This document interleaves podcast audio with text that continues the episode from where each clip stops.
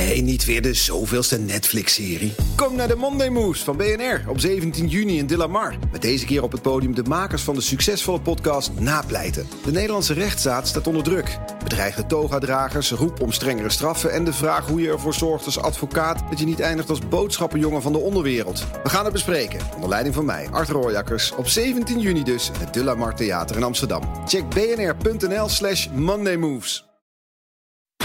BNR Werkverkenners wordt mede mogelijk gemaakt door BrainNet. BrainNet voor zorgeloos en professioneel personeel inhuren. BNR Nieuwsradio. Werkverkenners. Rens de Jong. In deze uitzending draait het om ZZP'ers die heel bewust zelf hebben gekozen voor het zelfstandige bestaan. En dat dan in een sector waar een groot personeelstekort bestaat. Zo zie je bij scholen ieder jaar een grotere worsteling om het team rond te krijgen. Ik durf het een onderwijsramp te noemen. En in de huisartsenzorg hetzelfde probleem. En juist in die sectoren zie je het aantal overtuigd zelfstandigen toenemen. Toen ik begon waren we met ongeveer 10% waarnemers van de beroepsgroep. En nu met 40. En ik denk dat de laatste 5, 6 jaar dat dat wel een vlucht heeft genomen. We gaan op zoek naar het verband tussen krapte en een toename van de zelfstandigen. En denk dan niet meteen dat het schijnzelfstandigen zijn. Verpleegkundigen die zichzelf aanbieden aan verschillende klanten. Daarvan kun je zeggen van nou ja, als ze het heel goed doen, hè, dan kunnen ze wat meer uren of dan kunnen ze wat hoge tarieven vragen. Als ze het wat minder doen, eh, ja, dan wil niemand ze meer in dienst nemen. Dus die dragen wel degelijk ondernemersrisico. En er is ook echt begrip hè, voor onderwijzers die via een bureau gaan werken. Als dat dan betekent dat ze hulp krijgen bij het vinden van woonruimte in bijvoorbeeld Amsterdam. Dat je in, weet ik het, in de kop van Noord-Holland woont en denkt: hé, hey, dit zou wel eens interessant kunnen zijn. Ja, dat kan ik echt niet iemand kwalijk nemen. Bij huisartsen speelt werkdruk een grote rol. De gemiddelde parttime werkt 44 uur per week. Bepaalde arbeidsomstandigheden die bij krapte beroepen horen, verleiden dus in ieder geval een gedeelte van de mensen tot een meer flexibelere werkvorm. En dat zou de mindere kanten van het werk voor de vaste mensen wel eens kunnen versterken. Ja, dus hoe kan je dat nou oplossen? Nou, een van mijn gasten ziet wel mogelijkheden, maar. Ik heb ook geen toverstafje voor de duidelijkheid, want dit is natuurlijk iets heel hardnekkigs. Werkverkenners. Heb je het over beroepen waar een schreeuwend tekort aan mensen is, dan kom je al snel uit in de zorg, in de kinderopvang en in het onderwijs. Nou, hoe sterk is de behoefte in die sectoren om als zelfstandige verder te gaan? Ik ben Melanie Geens. Ik ben schoolleider van basisschool De Archipel in Amsterdam-Eiburg. Hele fijne, toffe basisschool. Het is altijd spannend natuurlijk. Aan het begin van het jaar krijgen we het team rond. Nou, dat is inmiddels een half jaar voordat je start heel erg spannend. Dus wij werken eigenlijk het hele schooljaar door aan de bezetting. Ja? Ja. Is het ook echt veel krapper dan, laten we zeggen, tien jaar geleden bijvoorbeeld? Nou, het is gewoon een drama. Ik Ja? kan er heel ingewikkeld over doen. Het is echt, het is een drama. Ja. En schets eens hoezo het een drama is. Nou, je zet een vacature en er komt geen reactie. Of er komen reacties van heel veel uitzendbureaus. En dat heeft niet mijn voorkeur. De mensen die reageren, daar zitten maar... Nou, soms zit er zelfs geen persoon bij met een lesbevoegdheid. Hmm. Dus je hebt het over in maart, februari begin je echt actief te zoeken. Je probeert ook echt heel goed te weten wat er gaat gebeuren in je team. Ja, en dan heb je niemand. Heb je al een keer klassen naar huis moeten sturen? Ja, we hebben zeker klassen naar huis moeten sturen. Ja, je probeert altijd alles op te vangen, maar er is een grens. En dan zit je met de balans dat je niet je personeel over de kling wil jagen. En ja, op een gegeven moment moet je ouders zeggen: Sorry, het lukt niet meer. Nee. Ik heb vorig jaar een paar maanden voor de klas gestaan. Dat is uiteindelijk ook niet zo goed voor je organisatie. Maar ja, een groep 8. Je wil dat die goed naar het eind kunnen. Dus we gaan best ver en toch, soms moet je zeggen: het lukt niet. Nee. Deze uitzending willen we het hebben over eh, krapte beroepen en eh, flex, eh, ZZP'ers, zeg maar. Ja. Hoe afhankelijk is de school van ZZP'ers? Wij zijn een klein beetje afhankelijk. We hebben uiteindelijk een kleine vacature hadden we openstaan en hebben gezegd: oké, we kregen een aanbod van iemand met een lesbevoegdheid en ervaring. Nou, dan gaan we gesprekken voeren en dergelijke. En toen hebben we gezegd: oké, die laten we erin komen. Maar dat is wel een stuk afhankelijkheid. Ja, Ja. Is het ook echt beleid die zegt: ik wil niet te afhankelijk zijn van ZZP'ers? absoluut. Waarom niet? Nou, je wil eigenlijk iemand in je team hebben die in het team stapt, die echt de verbinding aangaat, maar die ook met het team de schoolontwikkeling ingaat. Mhm. En je wil met elkaar bouwen aan steeds beter onderwijs. Nou, daar hebben wij een idee over. Mensen die eigenlijk maar heel tijdelijk komen, dat is al ingewikkeld. Die vertrekken weer. En dan zit je er ook nog mee dat scholing, ja, gaat iemand meedoen met scholing, want die moet ik dan betalen. Dus ik, die scholing mag iedereen meedoen, maar die uren dat iemand er zit, moet ik ook betalen. En die persoon is wel veel duurder. En ja, dat geld kun je allemaal maar één keer uitgeven. Ja. Dus dat is heel ingewikkeld. Z- zie je een trend? Je zei net al, ehm, als ik een vacature plaats, dan krijg ik uitzendbureaus Ja. die, die naar me toe komen. Ja.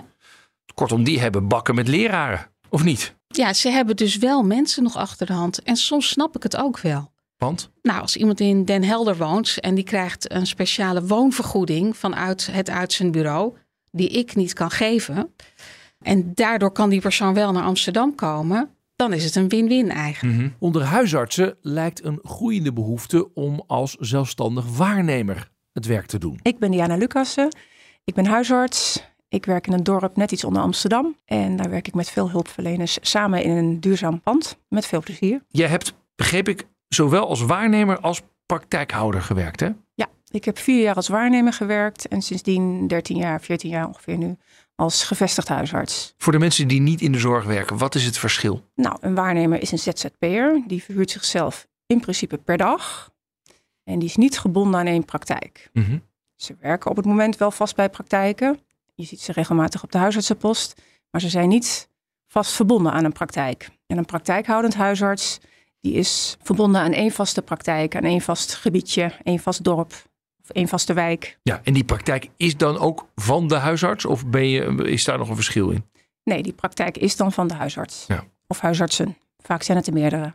Heb je enig idee hoe de verhouding is tussen, zeg maar, laten we zeggen, praktijkgebonden huisartsen en, en waarnemers?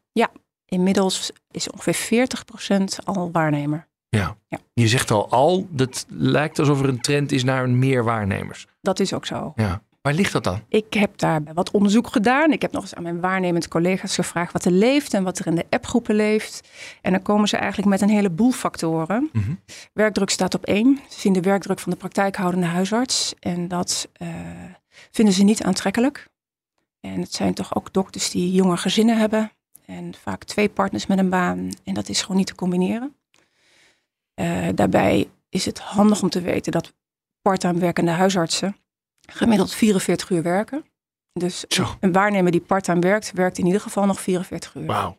En praktijkhoudende huisartsen werken rond de 60 uur, soms meer. Zo. Dus dat is niet altijd te combineren met een startend gezin. Dat is factor 1. Maar als je dan eh, om je heen kijkt als jonge dokter, eh, los van de werkdruk, dan zie je ook dat accommodatie of huisvesting eh, moeilijk te regelen is. En de financiering die nu bij de huisartsenzorg hoort, daarmee kan je eigenlijk niet een pand kopen in de meeste steden van Nederland. Ja, ja, dus die willen misschien wel praktijkhouder worden, ondanks de, de werkdruk, maar dan moet je het allemaal gefinancierd krijgen en dat is heel moeilijk. Dat is lastig. Ja, ja.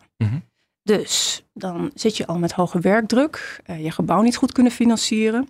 En dan is het op dit moment ook nog bijna niet mogelijk om voldoende personeel te krijgen. Je kan je werk niet doen als huisarts zonder een praktijkondersteuner, een verpleegkundige en vooral niet zonder ja, doktersassistentes. Mhm. Dus als je die niet voldoende kan krijgen, als je het team niet op orde kan krijgen, ja, dan krijg je het gewoon niet meer geregeld. ja. Waarom zou je dan al die verantwoordelijkheid op je schouders nemen? Precies. Toch? Als je jezelf ook per dag kan verhuren en zo je boterham kan verdienen. Misschien de verhouding is nu wel anders aan het worden. Ja, ik denk dat de verhouding zoals die nu loopt een uiting is van de enorme werkdruk die we met z'n allen ervaren. Ik denk dat er te veel werk ligt op het bordje van de hele huisartsengroep zoals die nu bestaat. Ja. En je ziet dus ook eh, een van de vele uitingen, niet alleen dat, dat het aantal waarnemers toeneemt, is ook dat afgelopen jaar dubbel zoveel jonge huisartsen zijn gestopt met het vak. Ja, eigenlijk is het zelfstandige bestaan in alle takken van sport steeds geliefder. Zo zegt mijn laatste gast. En dus ook onder verpleegkundigen. Ik ben eh, Marcel Canois, hoogleraar gezondheidseconomie aan de VU. In hoeverre zien wij in de zorg de impact van mensen die ZZP'er of flexer worden? Ja, die, eh, die zien we heel duidelijk, ja. Ten eerste omdat het echt een eh, massaal fenomeen geworden is. Hè. Ik bedoel, het is eh, in vijf jaar tijd meer dan verdubbeld. En dat gaat ook echt hard. Ik bedoel, eh, als je een maandje wacht, dan zijn er weer duizenden bij. En dat merk je natuurlijk. Je kunt het allemaal niet over één kam scheren, want een verpleegkundige die ZZP'er wordt, is een ander fenomeen, zal ik maar zeggen, dan bijvoorbeeld een medisch specialist eh, die in een maatschap zit. Mhm. En, en die, dat is ook een zelfstandige, maar het is een hele andere soort zelfstandige. Ja. Even over die verpleegkundigen. Zien we daar inderdaad eh, jaar op jaar toenemen dat mensen gewoon inderdaad Ja. zelfstandig worden? Dat zien we. En- En weten we waarom dat eigenlijk gebeurt? Ja, dat weten we. Nou, het, het zal natuurlijk niet voor iedereen precies hetzelfde motief zijn.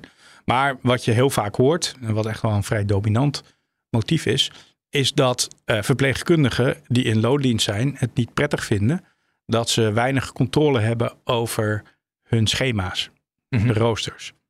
En als ZZP'er ja, heb je natuurlijk meer keuzevrijheid op dat vlak. En eh, voor veel is dat een, een belangrijke reden. Z- Het was, voor veel is het bijvoorbeeld een keuze om de, de zorg te verlaten. Of via ZZP'ers toch die zorg wel te kunnen eh, leveren. Alleen dan op andere voorwaarden. Ja, en dan wordt er vaak gezegd, ja, ze willen dan niet meer de nachtdiensten draaien. Is het zo zwart-wit of, of eh, Nee. valt daar nuance in aan te geven? Ja, daar valt nuance in te graven. Dat zal heus wel meespelen voor sommigen. Maar het is, het is veel breder. Ik denk dat heel veel mensen, ook journalisten en economen, het heel fijn vinden om enige controle te hebben over hoe je je werk kan indelen. Soms heb jij een uitzending op een bepaald tijdstip. Ja, dan, eh, dan, dan ben je op dat moment aan de beurt. Maar in de voorbereiding en in alle andere dingen heb je heus wel wat flexibiliteit om het eh, een keertje s'avonds te doen als je Ja. dat leuk vindt. Nou, in de, in, in de zorg, dat is zo strak geroosterd en geregeld. Dat, ja, dat ze zich in een keurslijf voelen. En eh, ja, dat ze eigenlijk in een soort een fabriek eh, lopende band waar ze, ja, ze moeten leveren. En als ze niet leveren, dan gaat er iets mis. Nou, dat, dat is dus voor, voor een aantal mensen heel belastend. Mhm. En die gaan dan ZZP'er worden. Straks de vraag hoe de verdeling flex en vast weer wat meer in balans kan komen. Want er zijn al wel wat initiatieven die iets doen aan de werkdruk, maar dat is niet genoeg. Fijn dat mensen willen bijspringen en oplossingen aan willen dragen om een stukje van de problematiek te verlichten. Maar moet het systeem niet anders? Ik denk dat daar echt nu wat aan veranderd moet worden. Rens de Jong. Maar eerst maar eens even kijken wat nou precies de voor's en de tegens zijn van flexers in de krapte beroepen. Helemaal zonder lijkt in ieder geval ook geen goed idee. Schoolleider Melanie Geense snapt wel dat je aan het begin van je carrière niet meteen vast bij één school wil zitten. Je ziet ook wel mensen die net het onderwijs inkomen en denken ik wil overal kijken. Ik hoorde ook wel mensen zeggen, ja, af en toe komt er zoveel administratieve romslomp bij. Of wil ik ook eens een keertje op vakantie, ehm, niet in de schoolvakanties. Ja. ja, dat kan allemaal niet, dus ga ik wel freelancen. Wat zeg je daarop? Voor de luisteraars, je kijkt nu een beetje zo. Ja, Mhm. nou ik vind het ingewikkeld dat je zegt ik wil op andere momenten op vakantie. Dan denk ik kom op, we hebben een hoop vakantie. Ja, dat scheelt een beetje in je vliegticket. Nou, volgens mij had je sowieso nu niet vliegen. Dus ja, daar heb ik moeite mee. Oké, En die andere punten van het leerlingvolgsysteem, dat schijnt behoorlijk wat administratief werk te zijn. Vinden mensen lastig die denken, nou, laat mij gewoon lekker voor de klas staan. Dat andere gedeelte, iemand Ja, anders ik ben probleem. daar, ja, daar ben ik tweeledig in. Ik vind als je kijkt naar leerlingadministratie, dan is het heel belangrijk dat je sommige dingen echt vastlegt. Want Mhm. er zijn situaties waarin het echt niet goed gaat met een kind. En dan moet je wel de zaken vastgelegd hebben, want anders kun je niet veel. Dus daar zit, een, daar zit voor mij een moed aan vast. En aan de andere kant doen wij ongelooflijk ons best om die hele rompslomp te minderen en te minderen. En echt het noodzakelijke te maken. Ja, en die heb ik ook nodig van een uitzendkracht Ja. je kunt niet zonder die verantwoordelijkheid voor de klas. Heb je dat debat wel eens met, met leerkrachten of potentiële leerkrachten die zeggen: eh, ja, pff, ik ben heel veel tijd kwijt aan niet-onderwijs en ik zou graag zo graag heel veel onderwijs willen geven? Niet meer. Dus we waren veel tijd kwijt aan het uitleggen. En daar, hebben ja, daar zijn we samen over na gaan denken. Ja, ja. We weten wat moet. We weten waar de ruimte zit. En sommige dingen zijn ook echt niet nodig. En als je je onderwijs wil verbeteren, moet je eigenlijk niet te veel werken aan al die romslomp en al die enorme epistels. Nee, dan moet je op je voorbereiding van je onderwijs gaan zitten. Mhm. Als er ziekte is, dan is het wel lekker om een pool te hebben waar je zegt: oké, en die kan voor de klas. Ja, maar dat heeft mijn bestuur heel goed geregeld. Vertel. Het ASCO-bestuur, nou, dat is een heel groot bestuur. Dat is natuurlijk Zitten dan heel veel een scholen onder dan? Ja, 32. Oké. Die hebben gewoon een pool, dat noemen ze de talentenpool. Maar daar zitten gewoon mensen in die naar heel veel verschillende scholen willen. En die zorgen ook voor interne opleiding van die mensen. Het fijne is dat ik die mensen op een gegeven moment wel aardig ken. Mhm. Ook heel prettig. Dus ja, het kan gewoon, maar dan heb je wel een aanstelling bij een bestuur. Ja, ja. Ah, dus dan daar, eigenlijk heb je de wens van die flexibiliteit. Ja. Heb je wel, maar Klopt. je zit wel gewoon in een vaste baan bij het schoolbestuur Klopt. van 32 scholen. Ja, en je hebt dan ook de mogelijkheden tot scholing die binnen het bestuur zijn. Dus Is dat nieuw? Is dat, of is dat in de afgelopen jaren gebeurd? ja, we hebben dat echt al een poosje. En ik zie het bij meer besturen. Huisarts Diana Lucassen was zelfstandig waarnemer voordat ze praktijkhouder werd. Denkt ze er eigenlijk wel eens over om weer waarnemer te worden? Heel soms heb ik een bui dat ik dat weer even denk. Ik Denk weg met al dat gedoe. Ja. Nou ja, in de meeste waarnemers zit ook nog een praktijkhouderswens. In ieder geval de wens om je aan je vaste groep patiënten te verbinden. Mhm. Want daar zit echt de meerwaarde van ons vak. Hè, dat je je voor een langere tijd verbindt aan een vaste groep mensen om je heen. Waardoor je ieder, iedereen leert kennen. En levensloopgericht. Je leert de mensen kennen. Je leert hun kinderen kennen, hun gezinnen kennen. De context waar ze in leven. En je voelt aan alle kanten als je werkt als huisarts dat dat ontzettend van toegevoegde waarde is. Dat je daardoor snellere en betere inschattingen maakt. Dat je door heel vaak niet hoeft te verwijzen naar het ziekenhuis. En alle onderzoek wat hierop is gedaan bewijst ook dat die kwaliteit van zorg beter is en heel veel goedkoper. Als je eh, echt een vaste huisarts op een Ja. vaste groep Het werkt bezuinigend Ja. En het werkt kwaliteit verhogend. Ja. ja. En werkgeluk verhogend ook of niet? Nou ja, voor mij dus wel. Ik vind het heel leuk om met mijn vaste patiënten oplossingen te zoeken voor de meest bijzondere problemen. Dat vind ik echt heel erg leuk. Maar eh, als er aan de balie geen assistent zit om de telefoon aan te nemen en de triage te doen in de tussentijd, dan is de stress wel hoog. Ja. En er zijn nu huisartsen die ook het assistentenwerk doen. Er zijn huisartsen deze zomer niet op vakantie geweest omdat de huisartsenposten niet bemand werden. En eh, dan begint het, eh, ja, de energie begint weg te lopen bij huisartsen. Ja. Is er soms als animositeit tussen, laten we zeggen, huisartsen, praktijkhouders en, en, en waarnemers? Dat je denkt, ja, potverdorie, hoe zit dat nou? Of, of zeg je, ja, eigenlijk begrijp ik beide kanten wel. Nee, ik begrijp beide kanten heel erg goed. Kijk, als je een, eh, een deel van de collega's als waarnemer hebt, dan zijn ze echt de smeerolie van het systeem. De Mhm. huisarts gaat op vakantie, kan zich laten waarnemen. Vijftig jaar geleden kon je gewoon nog op vakantie als huisarts. En dan deed de collega-praktijk verderop, deed even je vakantiewaarneming. Nou, dat kan niet meer. Daar is het echt veel te druk voor. Dat is gewoon niet veilig meer ook. Dus het is fijn dat er waarnemend collega's zijn die dan je praktijk kunnen bemannen. Als ik een dag op nascholing ga, dan loopt bij mij de werkdruk in de praktijk al te hoog op. Dus dan eh, zoek ik een collega huisarts die mij kan waarnemen die dag. Dus het is ook wel de smeerolie van het systeem. Volgens hoogleraar gezondheidseconomie Marcel Canois zou je het grote voordeel van de zorg-ZZP'er, namelijk de vrijheid, ook best in een vaste baan moeten kunnen regelen. Als de zorg zo georganiseerd wordt dat voor die mensen die eigenlijk best wel in loondienst willen, maar meer vrijheid willen, nou creëer die vrijheid. En dat Mhm. is ook een stuk creativiteit die de sector eh, moet hebben, die ze misschien van nature niet hebben, omdat men nou eenmaal denkt van nou ja, zo deden we het altijd. Maar ja, als dat op een gegeven moment niet meer werkt, dan moet je, moet je naar nieuwe, nieuwe, vernieuwende concepten gaan denken om het gewoon aantrekkelijker te maken. En dat is, dat, dat is niet alleen maar inspraak in je eigen rooster, maar bijvoorbeeld het minimaliseren van nodeloze bureaucratie. Dat is ook een pijnpunt. En zo zijn er nog wel een paar wensjes of wensen eh, die gewoon het beroep aantrekkelijker kunnen maken. Ja. En ja, nu moet het wel gewoon. Ja, dat snap ik. Hè. Maar en dat weet je net zo goed als ik. Er zit in elk werk zit er gewoon corvée. Die ik, ja jongens, dit moeten we met elkaar even oplossen. Het is niet leuk, je groeit er niet van. Het is nauwelijks autonoom, maar het moet gewoon. Ja. En omdat er zoveel krapte is, komt dus die taak steeds meer bij de mensen in vaste dienst. Nou ja, kijk, dat vind ik een wat eenzijdige manier om, eh, om naar het verschil tussen ZZP'er en in loondienst te kijken.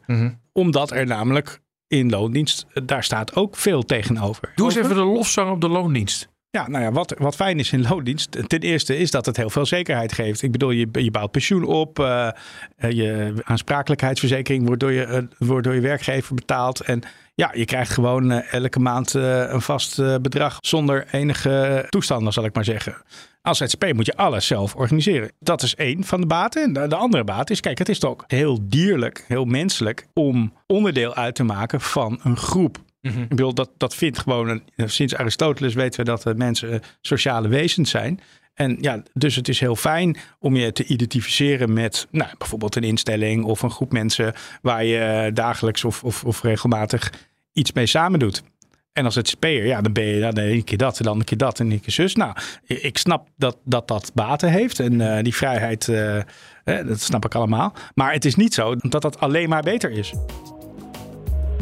Oké, als ik mijn gasten zo beluister, dan is de balans echt wel een beetje zoek.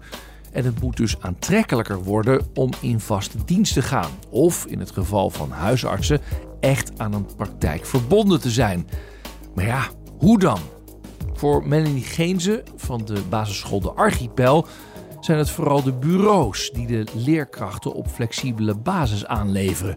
Een doorn in het oog. Dat betekent dus ook dat er heel veel mensen met een lesbevoegdheid, die je eigenlijk gewoon nu zo hard nodig hebt, die zitten in allemaal bureautjes, bijlesinstituten, de hele rattenplan. Ja, daar, daar krijg ik echt buikpijn van. Ja? Ja. Moeten we dan vingerwijzen naar die mensen die de lesbevoegdheid hebben en dus niet op een school werken? Of moeten we kijken naar het systeem en waarom die mensen dan niet op een school willen werken? Sowieso naar het systeem moet je kijken. Mhm. Want het onderwijs, ja, je werkt hard. Dat salaris is echt prima bijgetrokken. Ja. Gaan we echt niet meer over klagen. Dat is helemaal niet nodig, wat mij betreft. Nee, je, het is hard werken. Maar als je in een goed team bent, in een goede school, met een sterke leiding, en je hebt het moeilijk, dan ga je met elkaar ervoor zorgen dat het in orde komt. Ja, daarom wil je mensen ook gewoon in je school hebben en onderdeel laten zijn van je team. Je hoort nog wel eens, als je ZZP'er wordt, dan levert dat meer op. Mhm. Eh, is dat inderdaad zo of denk je dat het wel meevalt? Het hangt er denk ik van af of je zo'n bureau ertussen zet. Mhm. Maar kijk, als je een woonvergoeding krijgt in Amsterdam, ja, dat is wel fijn. Dat is natuurlijk een enorm probleem als je niet in Amsterdam zit en de reistijd is te hoog, te groot. Maar ik denk zeker als je helemaal een zelfstandige ZZP'er bent en al in Amsterdam woont, nou, dat lijkt me heel lucratief. Ja, daar ga je al dus. Ja, Dus wil, maar iedereen onderdeel zijn van een team en samen ontwikkeling vormgeven en je committeren aan een school. Ben je bewust bezig met dat te benadrukken? Want dat, dat lijkt me de reden om leraar te zijn. Is dat je zo vroeg in het leven van die kinderen mag zijn en zo betekenisvol kunt zijn. Dus Mhm. Dat lijkt me. Hè, de- je weet allemaal je basisschoolleraren nog. Het is Ja. een miljoen jaar geleden voor mij. Ja. Ik kan ze allemaal noemen en tekenen. Dat is ongelooflijk. Ja. Ben je heel bewust daarbij bezig? Joh, dat is wat we willen neerzetten. En Ja. daar heb ik je vast voor nodig. Zeker.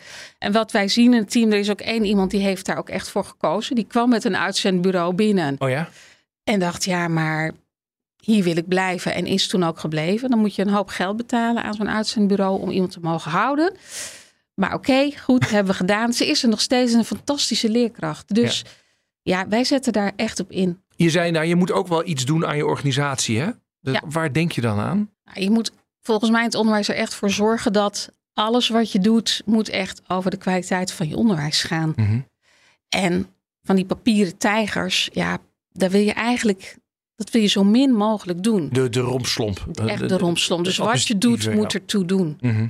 En dan moet je het zo klein mogelijk houden. Nou, dan heb je nog van die fantastische vergaderculturen. Dat doen wij al lang niet meer. Dat doen heel veel scholen niet meer. Die hebben gewoon bordsessies. Het is gewoon een kwartier, één keer per week. Knallen, waar werken we aan? Lukt het? En verder eh, helpt het heel erg om bij elkaar bijvoorbeeld in klassen te kijken. Nou ja, daar zetten wij op in. Ja. Ja. Maar niet eindeloos praten, discussiëren. Kom op, jongens. We Ja. weten wat goed onderwijs is. Precies. Ja, de- daar heb je professionals voor, die weten dat heus wel. Dat, Maar ja. dat- maar- en, en merk je dat dat vruchten afwerpen? Dat mensen zeggen, nou, eigenlijk wil ik daarom, omdat dit een, omdat het een prettig werkklimaat is, wil ik wel, nou ja, toch eh, een vast contract tekenen. Ja, zeker. Dat werkt. Mensen blijven heel graag bij een school waar de zaken op orde zijn. Mhm. Nou, Is er een soort balans te vinden tussen hoeveel flexkrachten je moet hebben en vaste krachten? Of zeg ik wil eigenlijk 100% vaste kracht hebben? Nou, ik zou heel, ik ga voor 100% vast. En een deel vind ik dan heel fijn als het uit de pool vanuit mijn bestuur komt. Want dan weet ik ook wat voor mensen ik heb. Ik weet ook dat ik ze terug kan vragen. Het zijn mooie lijnen. Dat, maar in de ideale wereld, nee. Liever niet. Hoogleraar Marcel Cornois ziet licht aan het einde van de tunnel. Ik heb twee oplossingen. Oké, Eh, dat is mooi. Even voor de duidelijkheid, dat is, zijn niet per se oplossingen voor het huisartsenprobleem, maar wel bij verpleegkundigen. Eh, Ten eerste, als we nou kijken waar we heel erg veel geld aan uitgeven, dan is dat aan de langdurige zorg. Ook daar is krapte op de arbeidsmarkt. En wat is langdurige zorg dan? Ouderenzorg vooral. Ja, oké. En er zitten ook gehandicapten bij. Dus dat zijn mensen die in principe niet beter worden.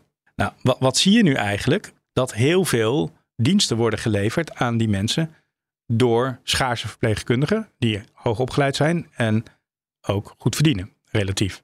Maar als je ziet wat voor handelingen die eigenlijk verrichten, dan zit daar een heel stuk bij wat helemaal die hoge, dure kwalificaties niet nodig zijn. Dus ik denk dat je massaal moet gaan kijken of je dat door vrijwilligers kunt laten doen. Mm. Of mensen met een ander profiel. En dat betekent dat je het mes dan snijdt aan, aan, aan, aan meer kanten. Ten, ten eerste, ja, je duwt, het, eh, je duwt die patiënt ook een beetje uit die zorg. Hè? Want ja, het is helemaal geen zorg. Die mensen die zijn bijvoorbeeld eenzaam of die willen, die willen een gesprek hebben. Of die willen met de hond, eh, iemand dat met, samen met de hond wandelen. Of, je, je kunt honderd dingen bedenken die die mensen nodig hebben. En het is geen zorg. Dus het is beter voor de arbeidsmarkt. En het is ook nog goedkoper. Mhm. Dus je substitueert. Het is beter voor de patiënt. En het is ook nog beter voor die vrijwilligers. Want ja, die kunnen zich dan nuttig maken. En dus dit, dit is eigenlijk onbegrijpelijk dat in de plannen van het kabinet van de zomer over de langdurige zorg hier niets over in staat. Ik denk, ja, daar moet ik echt wel zachtjes van huilen. Als, als, als dit, ja, dit is eigenlijk zo.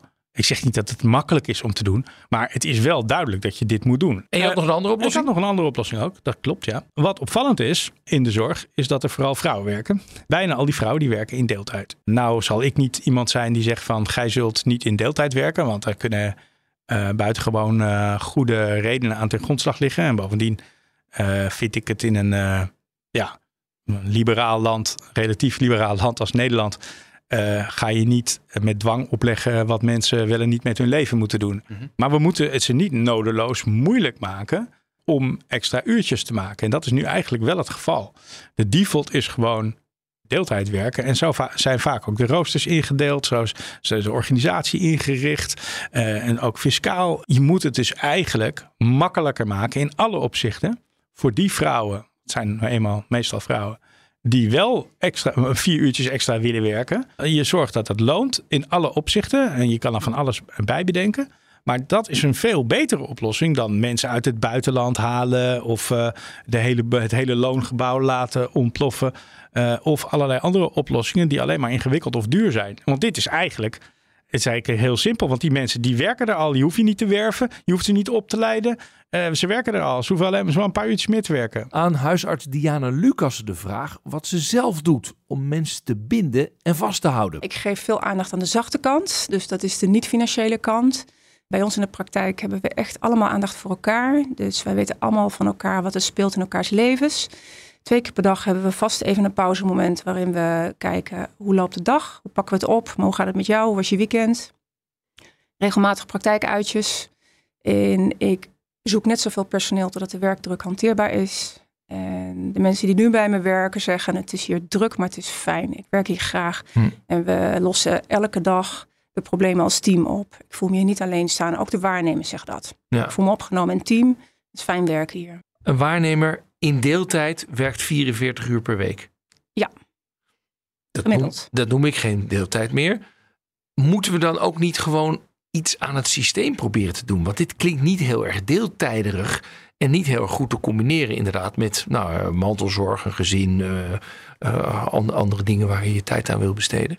Nee, dat klopt. Maar het systeem aanpakken kan je niet in je eentje. Daar heb je alle grote partijen voor nodig. En op- Want je kunt niet zeggen, maar ik neem twee waarnemers. Dan kunnen ze allebei 22 uur werken. dat kan, dat kun je doen. Nee, misschien boort dat een extra markt aan voor mensen die zeggen, maar dat wil ik wel. Ja, maar je moet je voorstellen als je met de huidige ploeg huisartsen, we zijn ongeveer met 11.000 huisartsen grofweg. De gemiddelde parttimer werkt 44 uur per week en de rest werkt meer. Mhm. En de gemiddelde huisarts werkt echt meer. Dus als je dan nog zegt, we gaan eh, minder uren per dokter, eh, daar gaan we op inzetten, dan zullen er heel veel extra opgeleid moeten worden. Ja, maar ja, nu lopen mensen weg omdat ze zeggen: ik trek het gewoon niet meer. Want jullie denken dat 44 uur deeltijd is. Ja, ik denk dat de opleidingscapaciteit omhoog moet. Maar je ziet bijvoorbeeld ook al bij de opleiding dat mensen nu aarzelen om de opleiding te gaan doen tot huisarts. Ja. Vanwege al deze geluiden uit het veld. Nou ja, dat bedoel ik ja. ja, Hoe lossen we dit op? Kunnen huisartsen hier iets doen? Of is dit echt een kwestie van politiek en verzekeraars en tarieven en dat soort dingen? Ik denk dat huisartsen al heel veel hebben gedaan en aan de lopende band oplossingen aanbieden. We hebben een hele actieweek gehouden. We dragen overal de oplossingen aan. En wij kunnen nu echt niet zonder de verzekeraars en de politiek. Wij zijn zojuist weer bezuinigd. Terwijl we de grootste bezuinigende tak van sport zijn in de gezondheidszorg. Dat is niet bemoedigend. Dus wat wij huisartsen nu alleen nog maar kunnen doen is ehm, zorgen dat we minder taken gaan doen. En eh, beter worden in nee zeggen. Ja. Dat kunnen we niet zo goed. We zijn heel dienstbaar. nou, en waar ik zelf bijvoorbeeld nu mee bezig ben, is uh, ik, ik vind het zelf heel erg leuk om met innovatieve onderwerpen bezig te zijn. Dus ik probeer mijn eigen regio zorg op afstand uh, op poten te zetten. En dat betekent dat ik de patiënt autonomer wil maken, zelfstandiger. Dat ze beter in staat zijn om voor hun eigen gezondheid verantwoordelijkheid te nemen. De kleine stukjes techniek die er zijn, dat ze die thuis kunnen toepassen. Dat ze bijvoorbeeld via apps contact hebben met onze zorgdossiers en op die manier zelf ook een steentje bij kunnen dragen. Maar zo zijn wij als huisartsen telkens bezig om het te verbeteren. En het is niet genoeg. We hebben nu echt onze samenwerkspartners nodig. Nou, conclusie van deze uitzending. Zowel in de zorg als in het onderwijs lijkt het aantal zelfstandigen inderdaad flink toe te nemen. En de redenen hiervoor zijn heel divers. In sommige gevallen is het lucratiever, maar veel meer lijkt het te gaan om autonomie. Om vrijheid te hebben, om je uren zelf in te delen, het verminderen van de werkdruk en toch ook wel te ontkomen aan die corvée-taken. En er is veel begrip hè, voor de keuze voor het zelfstandige bestaan. En zowel in de zorg als in het onderwijs zullen ook altijd wel flexibele krachten nodig zijn. Maar op dit moment is het tekort aan personeel in deze sectoren zo nijpend dat het aandeel vast juist moet gaan groeien ten opzichte van flex. Maar ja, hoe dan? Als de beweegredenen van die zelfstandigen zo goed voor te stellen zijn. Nou, zeker in de zorg zal er meer geld bij moeten. En er moeten ook meer mensen voor die krapte beroepen worden opgeleid. En de werkdruk, nou, bij de huisartsen is de boodschap heel duidelijk. Mindere taken bij de huisartsen of meer huisartsen erbij. In het onderwijs moet er toch steeds kritisch worden gekeken naar wat er aan die corvée echt nodig is voor de kwaliteit van het onderwijs. Al is daar, zo wordt mij verzekerd, echt al een flinke slag gemaakt. En de zelfstandigen zelf moeten zich realiseren wat nou de meerwaarde is om echt bij een team te horen en samen te gaan voor de beste kwaliteit van zorg en onderwijs. Daar moet je toch ook een lekker gevoel van krijgen. We zijn tenslotte namelijk toch echt kuddedieren. Nou, dit was Werkverkenners voor deze week. Volgende week dan krijg je weer een verse op dinsdag om half vier. En in je favoriete podcast-app kun je hem op ieder moment terugluisteren. Tot de volgende keer. Dag. BNR Werkverkenners wordt mede mogelijk gemaakt door BrainNet. BrainNet voor zorgeloos en professioneel personeel inhuren. Ook Bas van Werven vind je in de BNR-app. Ja, je kunt live naar mij en Iwan luisteren tijdens de ochtendspits. Je krijgt een melding van Breaking News. En niet alleen onze podcast Ochtendnieuws, maar alle BNR-podcasts vind je in de app. Download nu de gratis BNR-app en blijf scherp.